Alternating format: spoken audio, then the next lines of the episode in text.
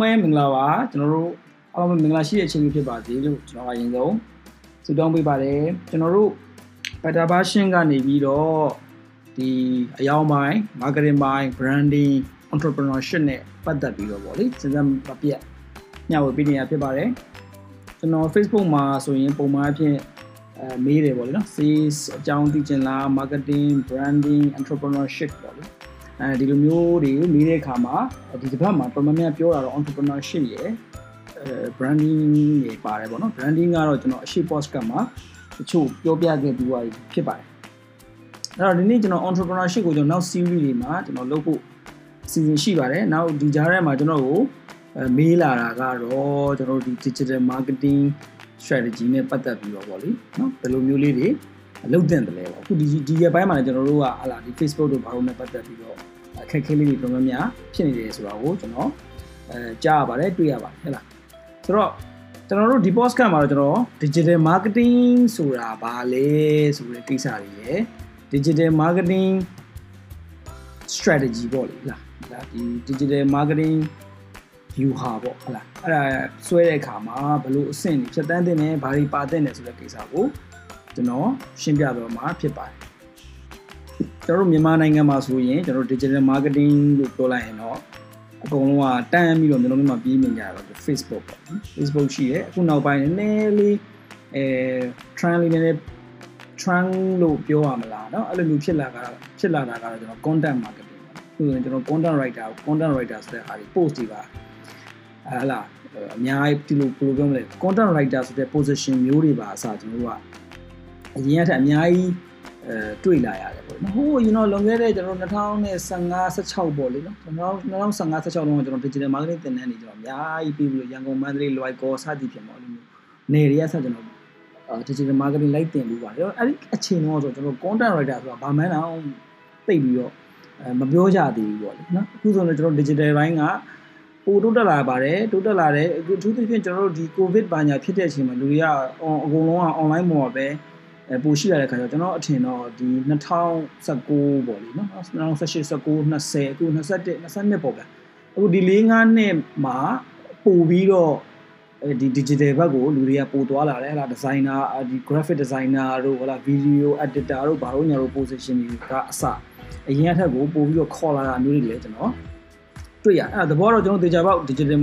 ခစ်ပါကိုတော်တော်များများ ကူးလာကြပြီ။ကူးလာတော့ကျွန်တော်2016လောက်တည်းကအကုန်ကြိုးစားနေကြတာပါ။အဲဆိုတော့အဲ့ဒီအချိန်တုန်းကကျွန်တော်တို့က digital marketing လို့ပြောလိုက် Facebook Facebook Facebook ဆိုတဲ့အဲအပိုင်းကိုတွားကြတယ်ပေါ့နော်။တကယ်တော့ကျွန်တော် Facebook ဒီ a kind of marketing ပါနော် a kind of digital ပေါ့လေနော်။ digital marketing ရဲ့အမျိုးအစားတွေကတစ်ခုလို့ကျွန်တော်ပြောလို့ရပါတယ်။အဲ့တော့ကျွန်တော်ဒီနေ့ digital marketing strategy တခုချမှတ်တဲ့အခါမှာဘယ်လိုအဆင့်တွေကိုဖြတ်တန်းရမလဲဆိုတော့ကိုပြောပြကျင်တာဖြစ်တယ်။အဲ့တော့ကျွန်တော်တို့က ဒီ strategic marketing planning ပေါ့နော်အဲ့ဒီကနေစရမယ်အဲ့တော့ digital ဆိုတာကလည်းအဲသူကတော့ကျွန်တော်တို့ဒါ platform ပေါ့ပေါ့လေဟလာဒီ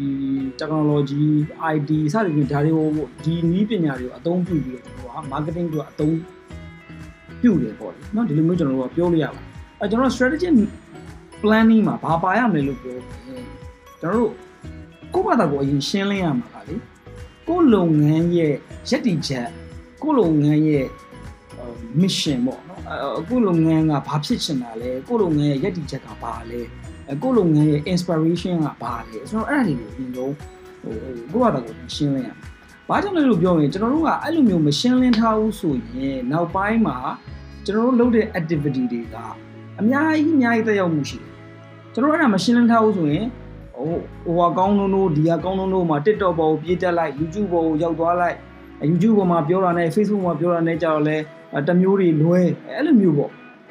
အစင်မသိတဲ့ဟာမျိုးတွေကျွန်တော်တို့ဖြစ်နိုင်ပါတယ်ဒါကြောင့်မို့လို့ကျွန်တော်တို့အရင်ဆုံးရှင်းလင်းရမှာကိုယ့်ရဲ့ inspiration ကဘာလဲကိုယ့်လုပ်ငန်းရည်တည်ချက်ကဘာလဲဒါတွေအရင်ဆုံးကျွန်တော်ရှင်းလင်းရမှာဒီနောက်တစ်ခုကကြတော့ကျွန်တော်တို့လုပ်ငန်းရဲ့ objective goal ပေါ့ကိုယ့်ရဲ့ရည်မှန်းချက်ပန်းနိုင်နေတာဘာလဲဘာရချင်တာလဲငါလုပ်ငန်းဘာဖြစ်ချင်တာ brand တစ်ခုအနေနဲ့ပေါက်ချင်တာလားဒါမှမဟုတ်ပတ်စံရရင်ပြီးရောလားဟို sales volume တက်ချင်တာဒါမှမဟုတ်လူတွေအများကြီးအများကြီးကိုယ့်ရဲ့ post အောက်မှာစကားတွေလာပြောနေတာကိုလိုချင်တာလားဒါမှမဟုတ် sales လိုချင်တာလားဘာလိုချင်တာလဲပေါ့နော် ဒါအဲ့လိုမျိုးကိုယ့်ဘာသာကိုရှင်းရှင်းလင်းလင်းနဲ့ရှင်းလင်းပြတ်သားတဲ့ကျွန်တော်ရီမန်းချက်ပန်းနိုင်ရှိရဖြစ်တယ်အဲ့တော့ပြီးသွားရင်ကျွန်တော်တို့ကရီမန်းချက်ပန်းနိုင်ကတော့ချလိုက်တယ်ဒါပေမဲ့ကျွန်တော်တို့ရဲ့လက်ရှိပတ်ဝန်းကျင်အခြေအနေကဘာဖြစ်လဲဟိုကျွန်တော်တို့ data တွေဈေးတက်သွားတယ်ဒါပတ်ဝန်းကျင်အခြေအနေအပြောင်းလဲပဲကျွန်တော်ဒါ technology အပြောင်းလဲအောက်မှာသွားထည့်လို့ရ technology ဆိုတာဟိုလိုမျိုးကြီးကြီးကျယ်ခမ်းနားတဲ့ technology အပြောင်းလဲဖြစ်တာမျိုးတော့မဟုတ်ဘူးသို့တော့ကျွန်တော်တို့ရဲ့ digital ပေါ့လေဟဲ့လား internet use internet အသုံးပြုတဲ့နှုံးတွေပြုတ်ကျသွားတယ်ဒါမျိုးတွေကဘာလို့လို့ပြောလဲ ဒီပညာနဲ့ပတ်သက်တဲ့ changes တွေပြီးတော့ပြောလို့ရတယ်အဲတစ်ချိန်တည်းမှာကျွန်တော်နိုင်ငံရေးပြဿနာတွေရှိတယ်အဲ့ဒီတစ်ဆင့်လိုက်လာတဲ့စီးပွားရေးပြဿနာတွေကျွန်တော်တို့ရှိတယ်ပြီးလူတွေရဲ့အမြင်အတွေးတွေကပြောင်းလဲလာတယ်ပေါ့လေဒီလိုမျိုးကျွန်တော်တို့က situational analysis ကျွန်တော်တို့ကသိကြဖို့လုပ်ရအဲ့တော့အဲ့မှာဘာလဲတစ်ခါပြန်ပါလဲလို့ပြောရင်ကိုယ်လုပ်ငန်းကိုလေကိုယ့်ဘက်ကိုသုံးသပ်ကြငါလုပ်ငန်းကဘာတွေကောင်းတာလဲငါလုပ်ငန်းကဘာတွေမကောင်းလဲဘာတွေအားသာချက်ရှိရလဲဘာအားနည်းချက်ရှိရလဲအဲ့တော့လက်ရှိဈေးကွက်ထဲမှာရှိနေတဲ့ competitor တွေရဲ့အခြေအနေကရောဘယ်လိုမျိုးလေးတွေရှိတယ် အဲဒါအပြင်နောက်တစ်ခုကကို product ရဲ့သဘောတရားပါလဲကို FNC ရောင်းနေရလားဒါမှမဟုတ် luxury product ရောင်းနေရလားဒါမှမဟုတ်ကျွန်တော်တို့ဒီ shopping goods လိုမျိုး TV တို့ aircon တို့ဟုတ်လားဖုန်းတို့ပါလို့စသည်ဒီလိုမျိုးတွေကျွန်တော်ကရောင်းနေရလားကိုယ့်ဘာသာကိုယ်ဟိုရှင်းရှင်းလင်းလင်းရင်ဖြစ်ကနော်အဲ့လိုမျိုးသုံးသက်ချက်တွေလောက်ပါအဲ့လောက်ပြီးသွားတဲ့အခါကျတော့မှကျွန်တော်တို့ကဘာပြန်လောက်ကြလဲလို့ပြောရင်ငါတို့လုပ်ငန်းက ဟလာငါတို့အခုရီမန်းနဲ့ချရတဲ့ပန်းနိုင်အရာငါတို့ရဲ့ရက်တီချက်အရာဘယ်ဈေးကွက်ကိုဘာတွေရောင်းကြမှာလဲဆိုတော့ဟာမျိုးတစ်ခါပြန်စဉ်းစားငါတို့ကဟိုးဘွားတွေအတွက်ရောင်းမှာလားဒါမှမဟုတ်လူငယ်တွေအတွက်ရောင်းမှာလားဒါမှမဟုတ်ဟို working professional တွေကို target ထားမှာလားဒါမှမဟုတ်ကလေးတွေကိုရောင်းမှာလားဘယ်သူလဲပေါ့နော်ကိုယ့်ရဲ့ customer ကဘယ်သူတွေဖြစ်မလဲအဲ့ဒီမှာမှဖြစ်နိုင်ကြီးအလားအလာအကောင်းဆုံး target customer တွေကဘယ်သူဖြစ်မလဲကျွန်တော်ဒါတွေကိုကျွန်တော်တို့စဉ်းစားရမယ် အပြီးသွားတဲ့အခါကျတော့မှကျွန်တော်တို့ကဘာလုပ်ကြလဲလို့ပြောရင် differentiation factor တွေပြန်စဉ်းစားဘာလို့လဲလို့ပြောရင်ကျွန်တော်တို့လုပ်ငန်းကကိုတယောက်တည်းမဟုတ်ဘူးလေဈေးကွက်ထဲမှာနော်ကိုတယောက်တည်းရောင်းနေရမဟုတ်တခြား product တွေရှိမယ်တခြား brand တွေရှိမယ်ဆိုတော့အဲ့ခါကျတော့ကျွန်တော်တို့က differentiate ဘာလဲပေါ့နော်ငါတို့ကဘာတွေမတူတာလဲဘာတွေပိုကောင်းတာလဲနော်ပြီးနောက်တစ်ခုကကျွန်တော်တို့ဟိုကို brand ကိုကိုလုပ်ငန်းကိုငါမကို product ကိုဈေးကွက်ထဲမှာဘယ်လိုမျိုးမြင်စီလဲအဲ့ဒါမျိုးလေကျွန်တော်စဉ်းစားရမယ်ဒါ strategy ဘိုင်းမှာ ဒီချက်တွေစဉ်းစားရမှာဖြစ်တယ်အဲ့တော့အဲ့ဒါတွေအကုန်လုံးကိုကျွန်တော်တို့ကစဉ်းစားပြီးပြီဒီဈေးကွက်ကိုတော့ငါတို့ကဝင်မယ်ဒီဟာကတော့ငါတို့ရဲ့ target customer တွေဖြစ်ပါတယ်ဆိုပြီးတော့စသည်ကျွန်တော်တို့ကစဉ်းစားဆုံးဖြတ်ပြီးသွားပြီငါတို့ရဲ့ဈေးကွက်ထဲမှာတော့ positioning ကဘယ်လိုသွားမလဲဆိုတော့စဉ်းစားဆုံးဖြတ်ပြီးသွားပြီဆိုတဲ့အခါကျတော့မှကျွန်တော်တို့က tactical ဘိုင်းကိုသွားတာဖြစ်တယ်အဲ့တော့ tactical ဘိုင်းမှာ ဘာတွေပြန်ပါလာလဲလို့ပြောရင်ခုနကပြောတဲ့ product တွေပါလာမယ်။ဘာရောက်မှာလဲဈေးနှုန်းဘယ်လောက်နဲ့ရှင်ပြိုင်ပြီးတော့သွားမှာလဲ။အဲနောက်က promotion ဒါဒါမှမဟုတ် integrated marketing marketing communication marketing communication ကိုဘယ်လိုတွေလုပ်မှာလဲ။နော်ဘယ်ကနေငါတို့ဘယ်လိုရောင်းမှာလဲ online တွေရောင်းမှာလဲ e-commerce website ကြီးနဲ့ရောင်းမှာလားဒါမှမဟုတ်ဘယ်ဆိုင်တွေကနေဘယ်လိုဆင့်ဖြန့်မှာလဲဒါတွေကျွန်တော်တို့ကစဉ်းစားပြီးတော့တဲ့အခါကျတော့မှဒါလည်းဘာလုပ်မလဲဆိုတဲ့ action plan သွားပြီးတော့ကျွန်တော်ကလက်တွေ့လှုပ်ဆောင်ပြီးတော့အကောင့်တွေပေါ်တာဖြစ်တယ် အဲ့တော့ကျွန်တော်ကဒီ podcast ကအဓိကကျွန်တော်ရဲ့အဲပြောချင်တဲ့ခေါင်းစဉ်က digital marketing ဆိုတဲ့ကောင် digital marketing နဲ့ပတ်သက်တဲ့ဟာတွေကိုကျွန်တော်အခု emphasize နည်းလေးလုပ်ပြောအဲ့တော့ကျွန်တော်ဟို marketing ရဲ့ definition ကိုကျွန်တော်ပြောမယ်ဆိုရင်အများကြီးရှိတယ်ပေါ့အဲ့တော့ကျွန်တော်နည်းနည်းလေးအဲသဘောကျတဲ့ definition တစ်ခုကိုကျွန်တော်ပြောပြမယ်ပြောတာဘာလို့ marketing is the process of influencing the decision of the customer ဆိုလိုတာက ကျွန်တော်တို့ marketing ဆိုတာဘာလဲလို့ပြောရင်ကျွန်တော်တို့ဝယ်သူတွေရဲ့ဆုံးဖြတ်ချက်ကိုလွှမ်းမိုးဖို့ကြိုးစားတဲ့လုပ်ရလို့ကျွန်တော်တို့ပြောလို့ရတယ်ဖြစ်စဉ်ဆိုပေါ့လေနော်အဲကိုယ့်ရဲ့ customer တွေကကိုယ့်ကိုသဘောကျလာအောင်နှစ်သက်လာအောင်ကိုယ့် brand ကိုဟလာတခြား competitor တွေနဲ့နှိုင်းယှဉ်တဲ့အခါမှာကြိုက်လာအောင်နှစ်သက်လာအောင်ကျွန်တော်တို့လုပ်ရမှာဖြစ်တယ်ဒါ marketing ပဲဒီလိုဒီလိုမှန်တော့ဟိုအကောင်းဆုံးပဲပေါ့လေနော်အဲ့တော့ကျွန်တော်တို့ digital marketing ကိုဘယ်လိုမျိုးကျွန်တော်တို့သုံးနိုင်လဲ နံပါတ်1ကတော့နံပါတ်1 product မှာကျွန်တော်တို့ရဲ့ product description ကိုကိုယ့်ရဲ့ digital platform တွေကတဆင့် customer တွေကိုရှင်းရှင်းလင်းလင်းပြပြတတ်တာသိအောင်ပြောပြဖို့အတွက်ကျွန်တော် digital marketing ကိုစဉ်းစားနိုင်တယ်ဟုတ်လားအဲဒုတိယတစ်ခါကျတော့ကျွန်တော်တို့ကဈေးနှုန်းမှာဈေးနှုန်းမှာအဲ့တော့ကိုဈေးနှုန်းကျွန်တော်တို့ digital marketing မှာဗာလဲလို့ပြောရင်ဈေးနှုန်းနဲ့ပတ်သက်ပြီးတော့တတ်တတ်မတ်မတ် တက်ရောက်မှုတော့အများကြီးမရှိဒါပေမဲ့ဘာလို့လို့ရတယ်လို့ပြောရင် digital marketing အားသာချက်ကကျွန်တော်ထားလိုက်ပါတော့ဟုတ်လားကြော်ညာနှစ်ခု run မယ်ဗျာเนาะဒါကျွန်တော်နောက်ဒီကျွန်တော်တို့ beta version ကနေပြီးတော့ကျွမ်းနေမှာလဲကျွန်တော်အဲ့ဒီအကြောင်းလေးကို beta အဲ beta typing ဆိုတဲ့အကြောင်းလေးကျွန်တော်ပြောဖို့ရှိတယ်အဲကျွန်တော်ဒီမှာတစ်ချက်ပြောချင်တာကဟို testing ဆန်းလို့ရတယ် price နဲ့ပတ်သက်ပြီးဥပမာဒီကြော်ညာတစ်ခုကျွန်တော်9000နဲ့ပေါ့ကျွန်တော်ရောင်းတဲ့ business 9000နဲ့ run လိုက်မယ်နောက်ထပ်ကြော်ညာတစ်ခုကျတော့ကျွန်တော်4000နဲ့ run လိုက်မယ် အဲ့ဒါဆိုရင်ဘဲကြောဘဲဘဲကြောညာတွေကဟလာ4000နဲ့ကြောညာတဲ့ဟလာဒီကြော်ညာမှာလူလာဝယ်တာပုံများလားဒါမှမဟုတ်9000နဲ့ဟာမှာလာဝယ်တာပုံများလားဘယ်ဟာထိရောက်လဲအဲ့လို percentage တွေပါကျွန်တော်ပြန်တွက်ပြီးတော့ pricing နဲ့ပတ်သက်ပြီးစမ်းနိုင်လို့လုပ်လို့ရတယ်အဲ့ digital ကတော့ဟို pricing နဲ့ပတ်သက်ပြီးအတိအကျကြီးတော့မဟုတ်ပြင်ねကျွန်တော်ဒီလိုမျိုးတွေကျွန်တော်ထည့်ဟိုစဉ်းစားလို့ရနိုင်တယ်အဓိကကကျွန်တော်တို့ digital မှာ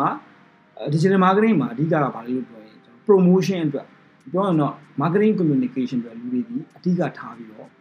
သုံးနေရှိပါတယ်နော်အဲ့တော့အဲ့မှာကျွန်တော်တို့ဟိုဒါဒီ promotion အကြောင်းကိုကျွန်တော်ဘယ်လို tools တွေနဲ့ဟိုလုပ်လို့ရတယ်လဲဆိုတဲ့ကိစ္စကိုကျွန်တော်ပြင်အသေးလေးချက်ပြောအဲ့တော့ promotion နေရာမှာအဓိကထားလုပ်ရတယ်နော်ဒါကျွန်တော်ပြင်အဲ့ဒါအသေးသေးပြောမယ်အဲ့တော့နောက်တစ်ခုကဘာလဲပြော distribution နေရာမှာကျွန်တော် digital ကိုသုံးလို့ရတယ်ဆိုတော့ဘာလဲပေါ့ဘာပြောလဲလို့ဆိုရင် ကျွန်တော်ထားလိုက်ပါလူတွေဒီခု physically ကိုစိုက်အောင်မလာဘူးပဲ online ကနေ online ကနေကျွန်တော်ရောင်းလို့ရတယ်ပြောပြီးတော့ဒါဒီ a kind of distribution ပဲ Facebook social media နေရောင်းတာ social media selling ခေါ်မလား social selling ခေါ်မလားတိုက်တယ်လို့ခေါ်လို့ရတယ်အဲ့တော့ကျွန်တော်အဲ့လို distribute လုပ်လို့ရတယ်နော်အဲ့တစ်ချက်နောက်တစ်ခုက e-commerce website ထားလိုက်မယ် customer ကြီးကြည့်တခါတည်းပတ်စံပေးတခါတည်း order တင်ဒါပြီးကိုက delivery လုပ်ပေးမယ်ဒါမျိုးတွေရတယ်ကျွန်တော် digital product ဆိုရင်လည်း ပို့တော့ကောင်းသေးတယ် digital product ဆိုရင်ကျွန်တော်တို့ကို website ကနေတခါတည်းပတ်စံပေးတခါတည်း consume လုပ်လိုက်လာကူထားလိုက်ပြီးတော့ online course ဆိုတာ online course နဲ့ဆိုရင်ဒါပါလေဟို website တို့ app တို့ a kind of distribution ပဲနောက်တစ်ခုကကျွန်တော်တို့ဒါဒီ marketing မှာတော်တော်များများပြောလို့ရှိရ 4P 4P နဲ့ digital marketing နဲ့ပတ်သက်ပြီးတော့ဘယ်လိုမျိုးလေးချိတ်ဆက်ပြီးစဉ်းစားလို့ရမှာဆိုတော့ကျွန်တော်ပြောပြခဲ့တာဖြစ်တယ်အဲ့တော့ဒီ digital marketing က marketing communication အတွက်ကိုအဓိကထားပြီးတော့ဒီကသုံးတာဖြစ်တယ် အဲ့တော့ကျွန်တော်တို့ကဘာနားလည်ရမလဲလို့ပြောရင်အဲဒီ digital marketing မှာဘယ်လို tools တွေရှိတယ်လဲဆိုတာမျိုးကျွန်တော်တို့ဟိုနားလည်ရမယ်ဟုတ်ပြီနော် digital marketing မှာဆိုရင်ဘယ်လို tools တွေအများဆုံးရှိတယ်ဆိုတော့ကျွန်တော်နားလည်ရမှာဖြစ်တယ်အဲ့တော့ဟိုပြောမယ်ဆိုရင်နံပါတ်1ကတော့ကျွန်တော်တို့ထင်သာမြင်သာအရှိဆုံးကတော့ဒါ social media marketing social media marketing ဆိုတာကဟလာ social social media platform တွေကနေတဆင့်ကိုယ့်ရဲ့ကိုယ့်ရဲ့ company ကိုလူသိလာအောင်ကြိုက်လာအောင်ဝယ်လာအောင်လုပ်တာပေါ့ဗျာ နော်ဒီလိုမျိုးကျွန်တော်မှမှတ်လို့ရပါတယ်နောက်တစ်ခုတော့ကျွန်တော်တို့ website marketing ပဲခေါ်ခေါ်ဟလာဒီစရှင်ချင်း marketing ဘာညာပေါ့လေဒါဒါနဲ့ကျွန်တော်ပေါင်းဆက်လို့ပြဆိုလိုတာကဘာလို့လဲ SCM ဆိုတာကစရှင်ချင်း marketing ဆိုတာကကိုယ့်ရဲ့အဲလူလာလာလူတယောက်ဒီကိုရောင်းတဲ့ product နဲ့သက်ဆိုင်တဲ့ keyword တွေကိုရှာတဲ့အခါမှာကိုယ့် website ကိုတွေ့လာအောင်လုပ်တာပေါ့အဲ့မှာကျွန်တော်တို့လာကြော်ညာလို့ရမယ် Google Ad ကနေပြီးတော့ PPC လာ pay per click ဒါမျိုးနဲ့ကျွန်တော်ကြော်လို့ညာလို့ရမယ်နောက်တစ်ခုက SEO လုပ်လို့ရတယ် search engine optimization เนาะဒါတွေအသေးသေးသိချင်တယ်ဆိုရင်ကျွန်တော် Facebook page မှာလာမေးထားလို့ရတယ်ကျွန်တော်နောက်ပိုင်းအဲ့ဒါတွေကိုလည်းအသေးစိတ်ပြောပြပေးသွားပါမယ်เนาะအဲ့တော့ SEO ကတော့လွယ်လွယ်လေးမှတ်မယ်ဆိုရင်ကျွန်တော်တို့ဟိုပတ်စံကုန်တရားမလိုဘဲနဲ့အာလူတယောက်ဒီဟိုကိုကိုရောင်းနေတဲ့ product နဲ့သက်ဆိုင်တဲ့ keyword တွေကိုဟိုရှာတဲ့အခါမှာကိုယ့်ရဲ့ website တက်လာအောင် လုပ်တာဒါပဲဒီလိုမျိုးမှတ်လို့ရတယ်နော်နောက်တော့ online PR တွေရှိနေတယ်ဒီဒီဟိုတကယ် online မှာပေါက်နေတဲ့အဲ online brand တွေနဲ့ပေါင်းဆက်ပြီးတော့ကိုလုပ်ငန်းရဲ့ image ကိုဆွဲတင်တဲ့ activity မျိုးတွေလုပ်ဖို့တော့ online PR မျိုးလုပ်လို့လုပ်လို့ရမယ်အခု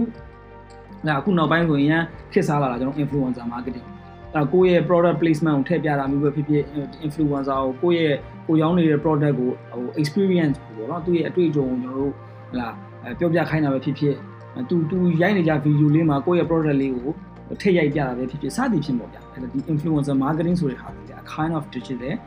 marketing communication tools တွေမှာထည့်လို့ရတယ်နော်အဲ့တော့ content marketing နော်ဒါအခုနောက်ပိုင်းဆိုဒါ content marketing အကြောင်းကိုတော်တော်များများပြောလာကြတယ်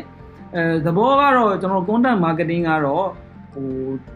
အဓိပ္ပာယ်ဖွင့်ဆိုချက်ကိုပြောမယ်ဆိုရင်တော့ကျွန်တော်တို့ကကျွန်တော်တို့ customer တွေ engage ဖြစ်မဲ့ customer တွေအတွက်အကျိုးကျေးဇူး ရှိနိုင်မဲ့အကျိုးကျေးဇူးလို့ပြောတဲ့နေရာမှာကျွန်တော်တို့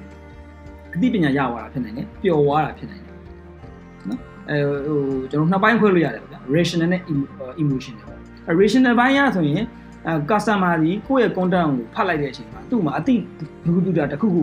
ရသွားတယ်စဉ်းစားတွေးခေါ်ဖို့တစ်ခုခုအကျိုးရှိသွားတယ်အဲဒါမျိုးဖြစ်နေတယ်ဒါမှမဟုတ် emotional ဘိုင်းမှာဆိုရင်စိတ်ဟိုပျော်သွားတာဟဲ့လားသူသူသူ့ရဲ့ဟိုသူ့ရဲ့ခံစားချက်တစ်ခုခုပေါ့ evoke ပေါ့နော်ထွက်လာအောင် အဲလုပ်ပေးတာလုပ်ပေးနိုင်တဲ့ content မျိုးတွေကျွန်တော်ဖန်တီးပြီးတော့ကိုယ့်ရဲ့ brand နဲ့ engage လုပ်တာဒီမျိုးကျွန်တော်မှတ်လို့ရတယ် mobile marketing ဒါပဲ mobile mobile နဲ့ပတ်သက်ပြီးတော့လုပ်တဲ့ SMS လာဒီ SMS campaign တွေပါနိုင်တယ်ဟလာ mobile app တွေပါနိုင်စသဖြင့် mobile marketing လုပ်လို့ရတယ်နောက်တစ်ခု email marketing နော် email marketing ကကျွန်တော်တို့နိုင်ငံမှာအဲတိတ်ပြီးတော့ B2C အတွက်ဆိုတော့တိတ်ပြီးတော့အဲသုံးလို့မရှိဘူးသုံးရင်လည်းအရင်ထိရောက်တယ်လို့မခံစားရဘူးဒါပေမဲ့ B2B product တွေဒီတေချာပေါက် ကျွန်တော်တို့ email marketing ကအဲလက်မလွတ်တင်ဘူးကျွန်တော်တို့ personally ထင်တယ်ပေါ့လေနော်ဘာလို့လဲလို့ပြောရင်ကျွန်တော်တို့ဒီ business to business ရောင်းတဲ့လူတွေကကြတော့ကျွန်တော်တို့ email marketing လုပ်တာဒီအထီရောက်မှုရှိနိုင်ပါတယ်နော်အဲအဲ့ဒီပြင်ကျွန်တော်တခြား tools တွေရှိနိုင်တယ် affiliate marketing လို့ဘာလို့ပေါ့ဗျာစသည်ဖြင့်အဲ့တော့ကျွန်တော်တို့ကဒီမှာဘာကိုကျွန်တော်ပြောချင်လဲလို့ပြောရင်ကျွန်တော်တို့ရဲ့ digital marketing communication strategy အောင်မြင်ခြင်းနဲ့ဆိုရင် ကျွန်တော်တို့အပိုင်းနှစ်ပိုင်းရှိတယ်။တစ်ပိုင်းကတော့ strategy ဘိုင်းကျွန်တော်အရှိမရှင်းပြခဲ့တဲ့ယက်တီချက်တွေဈေးကွက်ရွေးတာတွေဒီဟိုဒီပတ်ဝန်းကျင်ရဲ့အခြေအနေကိုသုံးသက်ချက်လုပ်တာတွေဒါတွေအကုန်လုံးပေါင်းဆက်ပြီးတော့စဉ်းစားပြီးသွားတဲ့အခါကျတော့မှကျွန်တော်တို့က digital platform digital tools တွေကိုသုံးပြီးတော့ marketing communication နဲ့သုံးပြီးတော့ marketing လုပ်တဲ့ဟာဖြစ်တယ်ဟို marketing လုပ်တယ်လို့ကျွန်တော်တို့ကပြောလို့ရမှာဖြစ်တယ်နော်နော်အဲ့တော့ဒါခုနကကျွန်တော်ပြောခဲ့တာတွေကတော့ကျွန်တော်တို့ ဒီမှာဒီ digital marketing နဲ့ပတ်သက်တဲ့ tools တွေကိုကျွန်တော်နည်းနည်းလေးရှင်းပြခဲ့တာဖြစ်တယ်အဲ့တော့ပြီးသွားရင် digital marketing လုပ်မယ်ဆိုရင်ကျွန်တော် media planning ကိုနားလည် media planning media buying အဲ့ဒါတွေနားလည်ရမှာဖြစ်တယ်အဲ့တော့ media planning ဆိုတာဘာလဲပေါ့နော်အဲ့တော့ရေဘူးရအဖြစ်ကျွန်တော်တို့က media ကို၃ပိုင်း digital မှာခွဲလို့ရတယ်ပထမတစ်ခုကတော့ကျွန်တော်တို့ own media own media ဆိုကိုကိုကိုယ်တိုင်ပိုင်တဲ့ channel တွေပေါ့ဗျာနော်ဟိုမှာ website ဒီကိုပိုင်တာ ကိုယ့်ဘက်ကို website မှာဘာပဲပြောပြောဘာပဲရေးဘူးမှာပတ်သက်ပေးတယ်ကြော်ညာကပေးကြမှာလို့ပြောတယ်ဒီ website ကို maintain လုပ်တာတော့ဘာလို့ညလို့ကုန်ကြစိတ်ရှိနေတယ်သူကတော့ own media ဆိုတာဒါကိုပြောတာအမ social media account တွေပါနိုင်တယ်ကိုပိုင် channel တွေပေါ့ဗျာဥပမာထားပါတော့ကျွန်တော်တို့အခု Viber group ထောင်တာဒါဒီကိုပိုင် channel ဖြစ်သွားတယ်နော်အဲ့လိုမျိုးတွေကျွန်တော်ရှိတယ်အဲ့ဒါက own media ခေါ်တယ်နောက်တစ်ခုက am media am media ဆိုတာကကြတော့ကျွန်တော်တို့ရဲ့ ရေးတဲ့ content တွေကိုကြိုက်လို့ပဲဖြစ်ဖြစ်တခြားကျွန်တော်တို့အကြောင်းအရာတွေပေါ့နော်ကို brand နဲ့ပတ်သက်တဲ့အကြောင်းအရာတွေကို customer တွေက share ကြပြောကြနော်ဒီလိုအမျိုးတွေကဘာလို့လဲဒါတော့ကျွန်တော်က and media တွေမှာထည့်လို့ရတယ်နောက်တစ်ခါပိတ် media ပိတ် media တော့ရှင်းတယ်ပတ်စံပေးပြီးတော့ကြော်ညာတဲ့ဟာမှန်တယ်မြောက်ကျွန်တော်ကပိတ် media တွေထည့်ထားလို့ရတယ်ဥပမာ Google မှာကျွန်တော်တို့ကြော်ညာမယ်ပတ်စံပုံမယ်ဒါဒီပိတ် media မျိုးစားပဲ Facebook မှာကျွန်တော် post တယ်မယ်ပြီး boost တယ်ပေါ့ဗျာဟုတ်လားကြော်ညာတယ်ပေါ့ဟုတ်လား media buying လုပ်လိုက်တယ်အဲဒါဆိုရင်လည်းကျွန်တော်တို့ကဒါကို ပိတ်မီဒီယာမျိုးစားထဲမှာအဲထည့်ထားလို့ရတာဖြစ်တယ်ဟုတ်ပြီနော်အဲ့တော့ဟိုကျွန်တော်တို့က planning process ကိုစဉ်းစားတဲ့အခါကျရင်တတ်နိုင်ခုနကကျွန်တော်အရှိမရှင်းပြခဲ့တဲ့ media တွေကိုပေါင်းဆက်ပြီးတော့လုပ်နိုင်ရင်ကျွန်တော်တို့ရဲ့ digital marketing communication ကပို့ပြီးတော့အောင်မှာဖြစ်တယ်ဥပမာကျွန်တော် Facebook မှာပဲထိုင် boost နေတယ် post တွေထိုင်ရေးနေရတဲ့ဆိုင်ဟလာ email marketing လုပ်မယ် Viber group တွေလည်းဖွဲ့ထားမယ်အဲ Google မှာလည်းကိုယ့်ရဲ့ဟိုလာ ဟိုဒါပါတော့ website လေးပါတည်တည်ကြလုပ်ပြီးတော့ Google မှာပါကျွန်တော် marketing လုပ်မယ် YouTube မှာကြော်ညာမယ်စသဖြင့်ဒီလိုမျိုးရှိနေတဲ့ကိုယ့်ရဲ့ကိုကိုမှလက်ရှိရှိနေတဲ့ကိုလုပ်လို့ရသမျှ channel တွေအကုန်လုံးပေါင်းဆက်ပြီးတော့ marketing လုပ်တာဒီပို့ပြီးတော့ထိရောက်မှာဖြစ်နော်နောက်တစ်ခုကကျွန်တော်တို့ဘာလို့ဘာလဲလို့ပြောရင် digital marketing မှာအရေးကြီးတဲ့ concept တစ်ခုရှိတယ်အဲ့ဒါကဒီ customer journey ခေါ်တာနော် customer journey ခေါ်တယ်ဟို ပုံမှန်ပြင်ကျွန်တော်တို့ရဲ့ customer တွေကဘယ်လိုအဆင့်တွေဖြတ်တန်းလဲဆိုရင်ကျွန်တော်တို့လာကိုယ်ကလုပ်ငန်းကိုခုမှစပြီးပြီးသွားရင် okay ဒီ okay ဒီဒီ brand တော့ဒါဒါရောင်းတယ်သူတည်တည်သွားတဲ့ခါကျတော့မှသူဒီအဲ့ဒီကျွန်တော်တို့ရောင်းတဲ့ပစ္စည်းနဲ့ပတ်သက်ပြီးသူ့မှာလိုအပ်ချက်ရှိလာတဲ့အခါသူ့ခေါင်းထဲမှာပေါ်တယ်။အော်သူတို့ရှိတယ်ပေါ့။ပြီးတော့ကျွန်တော်တို့တခြား community တန်းနဲ့သူနှိုင်းရှင်မယ်။ပြီးတော့ကျွန်တော်ဝယ်မယ်။ပြီးရင်ထပ်ဝယ်တာဖြစ်နိုင်တယ်။ပြီးတော့သူမြောက်ညွှန်မယ်။ဒါကအယူရှင်ဆုံး customer journey ကိုပြောပြတယ်။အဲ့ တော့အဲ့ထက်ချဲ့ခြင်းအမှချဲ့လို့ရတယ်အများကြီးပဲ customer journey မှာ။ဒါပေမဲ့အခုဒီလောက်လေးရှိရဆိုရင်ကျွန်တော်တို့ကအဲ့ customer journey ပေါ်မှာမူတည်ပြီးတော့ကျွန်တော်တို့ရဲ့ကြော်ညာ run တာတွေ content creation တွေကိုနားလည်မှာဖြစ်တယ်။ဥပမာကျွန်တော်တို့ awareness အတွက်ကျွန်တော်တို့ဖန်တီးတဲ့ content တွေပုံစံမျိုးဖြစ်တယ်။ customer တွေဝယ်လာအောင်ဟလာဒီ evaluation လုပ်နေလောက်တဲ့ customer တွေအတွက်ကိုကျွန်တော်တို့ရေးတဲ့ content ကျွန်တော်တို့ရေးတဲ့ဟလာကျွန်တော်တို့ရဲ့ကြော်ညာ message ဒီပုံစံမျိုးဖြစ်နိုင်တယ်။ ဝယ်ပြီးသွားအောင်မြင်မြန်ဝယ်အောင်လုပ်မှဒီတစ်မျိုးဖြစ်နိုင်တယ်။ထပ်လာဝယ်အောင်လုပ်တာဒီတစ်မျိုးဖြစ်နိုင်တယ်။ကျွန်တော်တို့ recommend ပေးအောင်လုပ်တဲ့ content အမျိုးအစားတွေလည်းတစ်မျိုးဖြစ်နိုင်တယ်။အဲဒီလိုမျိုးကျွန်တော်တို့က customer journey ကိုနားလည်ပြီးတော့ဟလာအဲကျွန်တော်တို့ရဲ့ digital marketing strategy ကိုစဉ်းစားတင်တာဖြစ်တယ်။အဲ့တော့ကျွန်တော်ကျွန်တော်ရဲ့ website မှာကျွန်တော် digital marketing နဲ့ပတ်သက်ပြီးတော့ဒီ Google ကတွေ့ရှိတဲ့သူတည်တနာလေးတွေကိုအခြေခံပြီးတော့ကျွန်တော် တခုရေးခဲ့ပူပါတယ်။အဲ့ဒါကကျွန်တော်တို့ရဲ့ consumer decision ပေါ့လေ။အခုအထူးသဖြင့် digital digital kit မှာကျွန်တော်တို့လူတွေစားသုံးလူတွေကျွန်တော်ရဲ့ customer တွေရဲ့ဆုံးဖြတ်ချက်တွေကိုလွှမ်းမိုးမှုဖြစ်တဲ့အကြောင်းအရာတွေကိုကျွန်တော်ရေးပေးခဲ့တာရှိပါတယ်အဲ့ဒါလေးကိုတစ်ချက်လောက်ရှာပြီးတော့ဖတ်နိုင်ပါတယ်ဟုတ်ပြီနော်ဘာကြောင့်လဲလို့ပြောရင်ကျွန်တော်တို့တာမန်အရင်တော့စဉ်းစားထားတဲ့ကျွန်တော်တို့ရဲ့ customer journey နဲ့အခုနောက်ပိုင်းဟလာကျွန်တော်တို့ messy middle ပေါ့နော်အဲ messy middle ဆိုတဲ့ concept ပေါ့ဗျာ model ပဲခေါ်မှာလား messy middle model ခေါ်မှာပေါ့ အဲ့တော့အဲ့ဒီအကြောင်းအရာဆိုရင်ကျွန်တော်တို့အခုကျွန်တော်ရှေ့ကျွန်တော်တို့ရှေ့မှာပြောခဲ့တဲ့ customer journey သဘောတရားနဲ့နည်းနည်းလေးကွဲတာလေးရှိတယ်နော်အဲ့တော့အဲ့ဒီဟာလေးကိုလည်းကျွန်တော်တို့လေ့လာသင့်ပါတယ် okay ဒါဆိုနောက်တစ်ခုကကျတော့ကျွန်တော်တို့ကအခုကျွန်တော်ပြောခဲ့တဲ့အချက်တွေကိုပေါင်းစပ်ပြီးလုပ်မယ်ဆိုရင်ကျွန်တော်တို့ digital marketing နဲ့ပတ်သက်ပြီးတော့တော်တော်လေးကိုအတိုင်းအတာတစ်ခုလောက်ကိုသဘောပေါက်နားလည်နေမယ်ဖြစ်တယ်အဲ့တော့ဒီမှာကျွန်တော်ဗာလေးထပ်ပြီးတော့ပြောချင်လဲဆိုရင် viewer စဉ်းစားတဲ့အခါမှာကျွန်တော်ဘာရှိတယ်လဲဆိုတော့ပြောပြ viewer စဉ်းစားတဲ့အခါမှာနံပါတ်1ကျွန်တော်တို့ကဘာရှိရမလဲလို့ပြောရင် awareness viewer ရှိရအဲ့ငါတို့ရဲ့လုပ်ငန်းကိုလူများများသိလာအောင်ဘယ်လိုလုပ်မလဲ awareness viewer ကျွန်တော်တို့ဒီလိုပဲခေါ်ကြတယ်ပေါ့လေအဲ့ awareness viewer ရှိရငါတို့လူများများတွေလူများများသိလာအောင်ငါတို့ target customer တွေများများသိလာအောင်ဘယ်လိုလုပ်ကြမလဲဆိုတဲ့ awareness viewer ရှိရပြီးတော့ရင်ဒုတိယဘာလဲလို့ပြောကျွန်တော်တို့ lead capturing strategy lead capturing strategy ဆိုတာကကြတော့ကိုကိုရဲ့ ကို target ထားတဲ့ customer တွေနဲ့ပေါ့လေနော်ကို target ထားတဲ့ customer တွေနဲ့အမြဲတမ်း contact ရနေအောင်သူတို့ရဲ့ email ဒါမှမဟုတ်ဖုန်းဆိုလဲဖုန်းဖြစ်ဖြစ်ပေါ့လေနော်အဲ့လိုမျိုးလေးသူတို့ကိုကျွန်တော်တို့နောက်ပိုင်းမှာဆက်ပြီးတော့ကိုယ့်ရဲ့ကိုယ့်ရဲ့ကုန်ပစ္စည်းအကြောင်းကိုယ့်လုပ်ငန်းအကြောင်းကိုယ့်ရဲ့ brand အကြောင်းကိုပြောလို့ရဖို့အတွက်ကိုဟို lead ဖမ်းတာပေါ့နော်အဲ့တော့ email ဖြစ်နိုင်တယ်ဖုန်းဖြစ်နိုင်တယ်ဒါမှမဟုတ်ကျွန်တော်တို့ရဲ့ Viber group ကို join ခိုင်းတာလည်းဖြစ်နိုင်တယ်ပေါ့လေအဲ့တော့ကျွန်တော်က lead capturing strategy ဆိုတဲ့ကိစ္စကိုကျွန်တော်တို့က သိအောင်လုပ်ကြမယ်နောက်တစ်ခုကတော့ lead nurturing strategy lead nurturing strategy ဆိုတာကကြတော့အခုမှဝယ်ဖို့အဆင့်မဖြစ်ဟိုဘယ်လိုပြောမလဲအဆင့်သင့်မဖြစ်သေးရင်တော့နောင်ဝယ်ဖို့ဖြစ်လာတဲ့အခါကျရင်ကိုယ့်လုပ်ငန်းကိုခေါင်းထဲအောင်ခေါင်းထဲမှာပေါ်လာအောင်စဉ်ဆက်မပြတ်အဆက်အသွယ်ဖြစ်နေအောင်ဘယ်လိုလုပ်မလဲဆိုတဲ့ strategy customer နဲ့ကျွန်တော်တို့စဉ်ဆက်မပြတ် contact ရှိနေအောင်ဘယ်လိုလုပ်မလဲဆိုတဲ့ strategy ဆိုတော့အဲ့ဒါရှိရမယ်ပြီးတော့ conversion strategy ဟာကျွန်တော်ကလူတွေဒီလိုရှိရဗျဟို hot stage ပေါ့နော် hot stage ဆိုတာကဟို customer ဒီဟိုကိုရောင်းတဲ့ပစ္စည်းကိုတကယ်ကိုလိုအပ်နေပါတယ်ဆိုတဲ့ခံစားချက်ဖြစ်နေတဲ့ hot stage မှာမရောင်းရလိုက်ဘူးဆိုရင်ကြာသွားတယ်အဲ့တော့ကျွန်တော်ကဘာလို့လဲလို့ပြောရင်အဲ hot stage ဖြစ်နေလောက်တဲ့ customer တွေဒီကိုရှိကနေဝယ်သွားအောင် convert ဖြစ်သွားအောင်နော် lead ကနေပြီးတော့ customer ပေါ့ဗျာဒါမှမဟုတ် lead ကနေပြီးတော့ sales ပေါ့ဗျာအဲ့လိုမျိုးဖြစ်သွားအောင်ကျွန်တော်တို့ကဘယ်လိုမျိုးလုပ်မလဲဆိုတော့ conversion strategy ရှိရအဲနောက်နောက် strategy တစ်မျိုးစတော့ဘာလို့ပြောမလဲကျွန်တော် retention strategy ဖြစ်အဲ့တော့ retention strategy ကကြတော့ကျွန်တော်တို့ ਨੇ စဉ်ဆက်မပြတ်ပေါ့ဗျာဟလာကိုယ်နဲ့ထပ်ကထပ်ကဝယ်နေအောင်ကျွန်တော်တို့ ਨੇ အများအား contact ဖြစ်နေအောင်ကျွန်တော်တို့ရှိရနေပြီးမကြာခဏဝယ်လို့ဖြစ်အောင်ရောဘယ်လိုလုပ်ကြမလဲဆိုတဲ့ strategy ကိုကျွန်တော်စဉ်းစားရမှာဖြစ်တယ်နောက်ဆုံးကတော့ကျွန်တော်တို့ကဘာလဲလို့ပြော reference strategy ကရှိတယ်ကျွန်တော်တို့က customer လူတွေကဘယ်သူမျိုးယုံလဲပေါ့နော်ဟိုကျွန်တေချာပေါ့ကျွန်တော်တို့ဒီဟိုပစ္စည်းတစ်ခုကိုဝယ်ဖို့ဆုံးဖြတ်တဲ့အခါမှာ ဟို information source ဒီကိုယ့်ရဲ့တငယ်ချင်းမိတ်ဆွေတွေကပြောတဲ့ဟာကိုလူတွေတော်တော်များများယုံကြတယ်အဲ့တော့ကျွန်တော်တို့ဂျီကနေပြီးတော့ဝယ်ထားပြီးသားလူကပြန်ညှိုးပေးရဆိုရင်အဲ့ဒီ customer ဒီကျွန်တော်တို့ရှိမှလာဝယ်ဖို့တော့ရာဂိုင်နှုန်းပုံများတယ်အဲ့ဒါဒီအတွက်ကြောင့်မို့ကျွန်တော်ကဘာဘာရှိသင့်တယ်လို့ပြောကျွန်တော် reference strategy ဆိုတာမျိုးကိုထားတင်တာဖြစ်ပါတယ်နော်အဲ့တော့ကျွန်တော်တို့ဒီဒီဒီ podcast လေးမှာကျွန်တော်ဘာလေးပြောပြောပြခဲ့တယ်လဲဆိုရင်ကျွန်တော်တို့ဒီ digital marketing communication strategy နဲ့ ပတ်သက်ပြီးတော့ဘယ်လိုမျိုးလေးတွေစဉ်းစားရမလဲဘယ်လိုအချက်တွေကိုထည့်သွင်းစဉ်းစားရမလဲဆိုတဲ့ကိစ္စတွေကိုပြောပြခဲ့တာဖြစ်ပါတယ်ကိုလုပ်ငန်း